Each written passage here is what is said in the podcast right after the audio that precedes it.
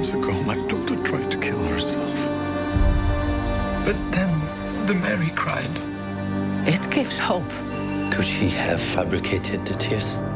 No, that girl cannot lie. Dammi un segno. Ja, dit is de trailer van De Man uit Rome die afgelopen week in première ging. De film is gebaseerd op een wonderlijke gebeurtenis uit 1995 in Limburg. Op een zomerse avond zouden er tranen van bloed uit de ogen van een Maria-beeldje zijn gevloeid. Het mijnwerkersstadje Brunsum veranderde in een bedevaartsoord en er ontstond een ware cultus. Wat gebeurde er na het mirakel en hoe ging het Vaticaan ermee om? Religiewetenschapper Ernst van den Hemel bekeek de film en is de gast. Goedemorgen, Ernst. Goedemorgen. Ja, je hebt de film gezien. Ehm, was het wat? Ja, ik vond het, ik vond het een hele mooie film. Ik vond het. eh, kijk, vaak gaan films die over wonderen gaan en onderzoek naar het bovennatuurlijke in de katholieke kerk, vaak gaan die een beetje de spectaculaire, occulte kant op of zo. Waarbij vaak ja, er een beetje een problematisch beeld van religie geschetst wordt, zeg maar. Maar hier komt eigenlijk op een best interessante manier de spanning eh, naar voren. Wat er gebeurt als mensen overtuigd raken dat er een wonder gebeurt in een, in een gemeenschap. En hoe een kerk erop reageert. En ik vond het eigenlijk wel een hele mooie film. Een beetje geromantiseerd eh, wel. Maar dat gezegd hebbende, echt heel erg de moeite waard. En eh, kun je de, eh, de film even kort samenvatten? Ja, dus ehm, de film begint met je volgt een onderzoekspriester die in de trein is op weg naar Nederland. En daar specifiek gaat hij naar een Limburgs dorpje waar een Mariabeeldje is gaan huilen. In een doodgewone straat, in een doodgewone woonkamer. Ehm, de lokale bevolking en de familie die ziet dat als een wonder en die haalt daar troost uit. En die, ja, die, die worden daar eh, geëmotioneerd eh, door. En de onderzoekspriester heeft als taak eigenlijk wat te onderzoeken of dit een echt wonder is. Of dat er volksverlakkerij of dat er manipulatie sprake is. En die priester die staat bekend als iemand die heel strikt onderzoekt. En die al over heel Europa wonderen heeft, eh, heeft afgewezen. Nou, en daar begint die film mee. En dan ontspint zich eigenlijk een, een, een vraag: wat geldt hier nou eigenlijk? Wat is het belangrijkste? Wat echt waar is of hoe een gemeenschap zo'n zo'n wonder ervaart? Want dit is, eh, die film is losjes gebaseerd op de gebeurtenis uit 1995. Daar komen we zo op. Maar er is wel een en ander aangepast. Want Trump is in deze film eh, president. En er zijn smartphones. Waarom hebben ze dat gedaan, denk je? Ja, ik denk, de film begint met, met een eh, statistiek over hoe vaak Trump gelogen heeft. En daarvan zegt Trump, dat is absoluut gelogen dat ik zoveel lieg. Dus die film begint al heel veel met een soort fake news, post-truth-achtige setting. En ik denk ook dat de film een beetje verkent wat, eh, ja, wat is de rol van dit soort wonderen, of van religie, of van überhaupt de troostrijke verhalen die we elkaar vertellen. In een tijd waarin wat waar is, een beetje op losse schroef is komen te staan. En ehm, ja, dan even terug naar de historische werkelijkheid. Want je, je, je zei het net al, dit, je schetste de film. Maar in, in werkelijkheid eh, gebeurde er inderdaad een wonder eh, in 1995 in Brunsum. Ehm, en eh, was het ook zo dat er daadwerkelijk iemand uit Italië, een priester uit Italië, werd gestuurd om dan te checken: klopt dit wel? Nou, kijk, allereerst noem je het een wonder. En dat is natuurlijk nog, nog niet zo duidelijk. Of dat aangetoond is of niet. Dus dat, dat is nog. Uh, dat is voor de een, mensen geladen is term. Voor de mensen daar was het een wonder, voor anderen weer niet.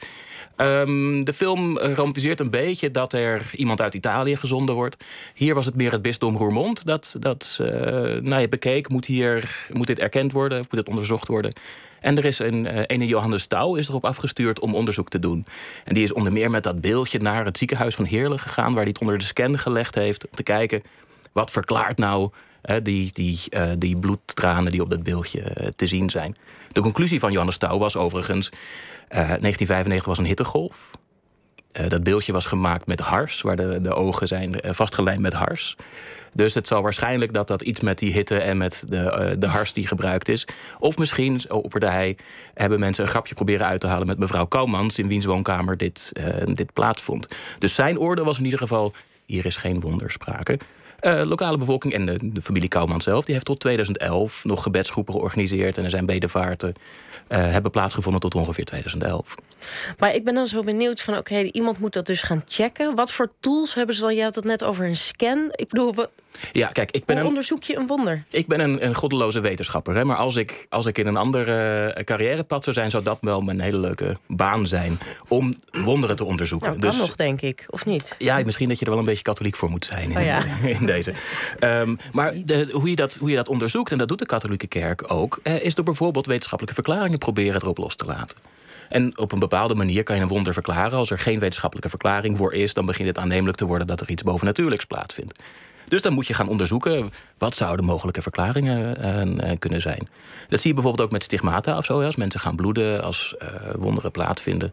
Dan worden de medici gevraagd van wat zou nou een medische verklaring hiervoor, hiervoor kunnen zijn.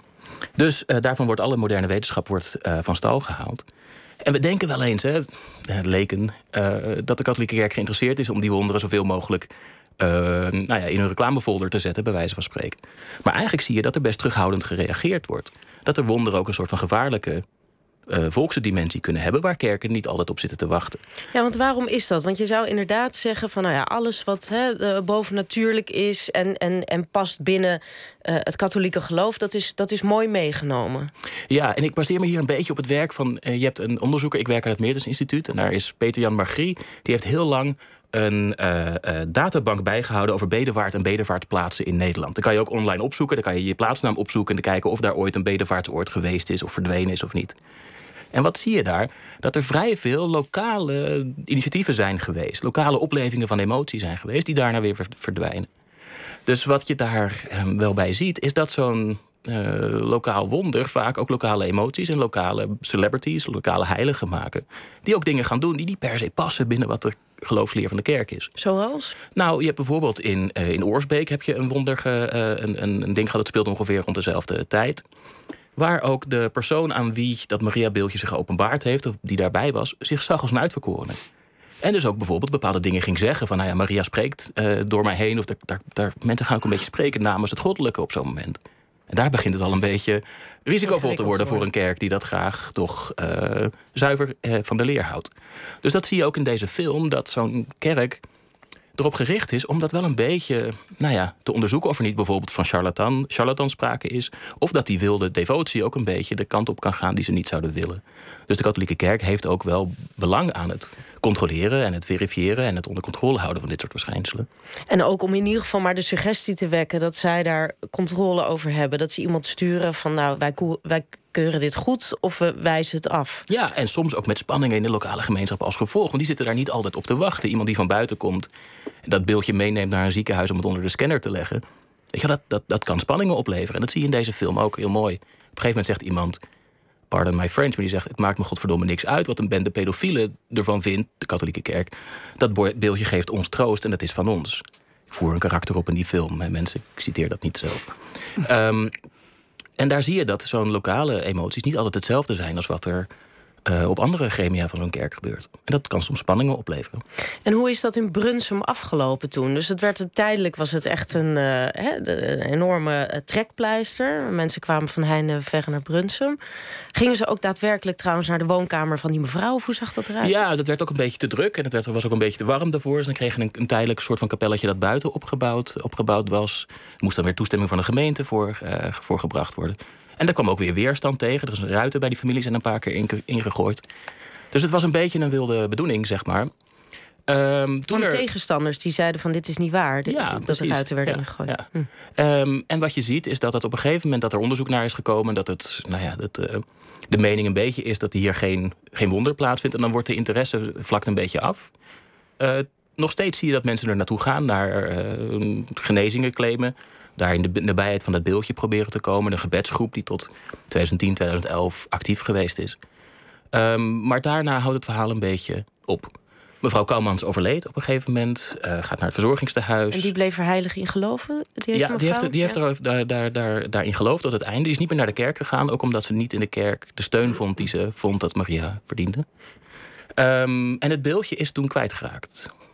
Uh, de woning waar dit wonder zich plaatsgevonden heeft, is afgebroken. En dat is het laatste wat we, uh, wat we er ongeveer van weten. En dat is ook wel leuk aan dat soort geschiedenissen. Dat in Nederland een heleboel van dat soort plekken zijn geweest. Oplevingen van religieuze energie. Uh, wat dan wel eens volkse devotie wordt genoemd. Maar, uh, en dat, als het niet erkend wordt, dan verdwijnt dat een beetje. En het is toch wel leuk om daarachter te komen. En dus ook deze film daar wat, wat aandacht voor te geven. Ja, precies. Dus als het wel erkend wordt, dan blijft het in stand, zeg maar. Dan, dan... Ja, dan wordt het ook gedocumenteerd en onderhouden. En dan wordt het, dan wordt het als uh, belanghebbend gezien. En dit soort he, religie van onderop, zeg maar. Daarvan verdwijnt ook veel. En ik vind het best leuk dat er zo'n databank bestaat waar je dit soort dingen in kan opzoeken. En dat we dat, dat, we dat bijhouden. Want dat zijn best mooie momenten in de geschiedenis. Goed, hartelijk dank. Uh, tot slot, ja, is dit. ik vond het een hele mooie film trouwens. Ook omdat het inderdaad zo klein is en intiem. En, um, maar het is dus een aanrader, zeg je. Zeker weten, ja. ook om de nou ja, religie buiten wat er erkend wordt. en Die spanningen tussen van onderop en van bovenaf. Religie is een complexe praktijk met veel emoties en claims en, en dergelijke. En dat komt hier mooi naar voren. Hartelijk dank, Ernst van de Hemel, religiewetenschapper bij het Mertens Instituut.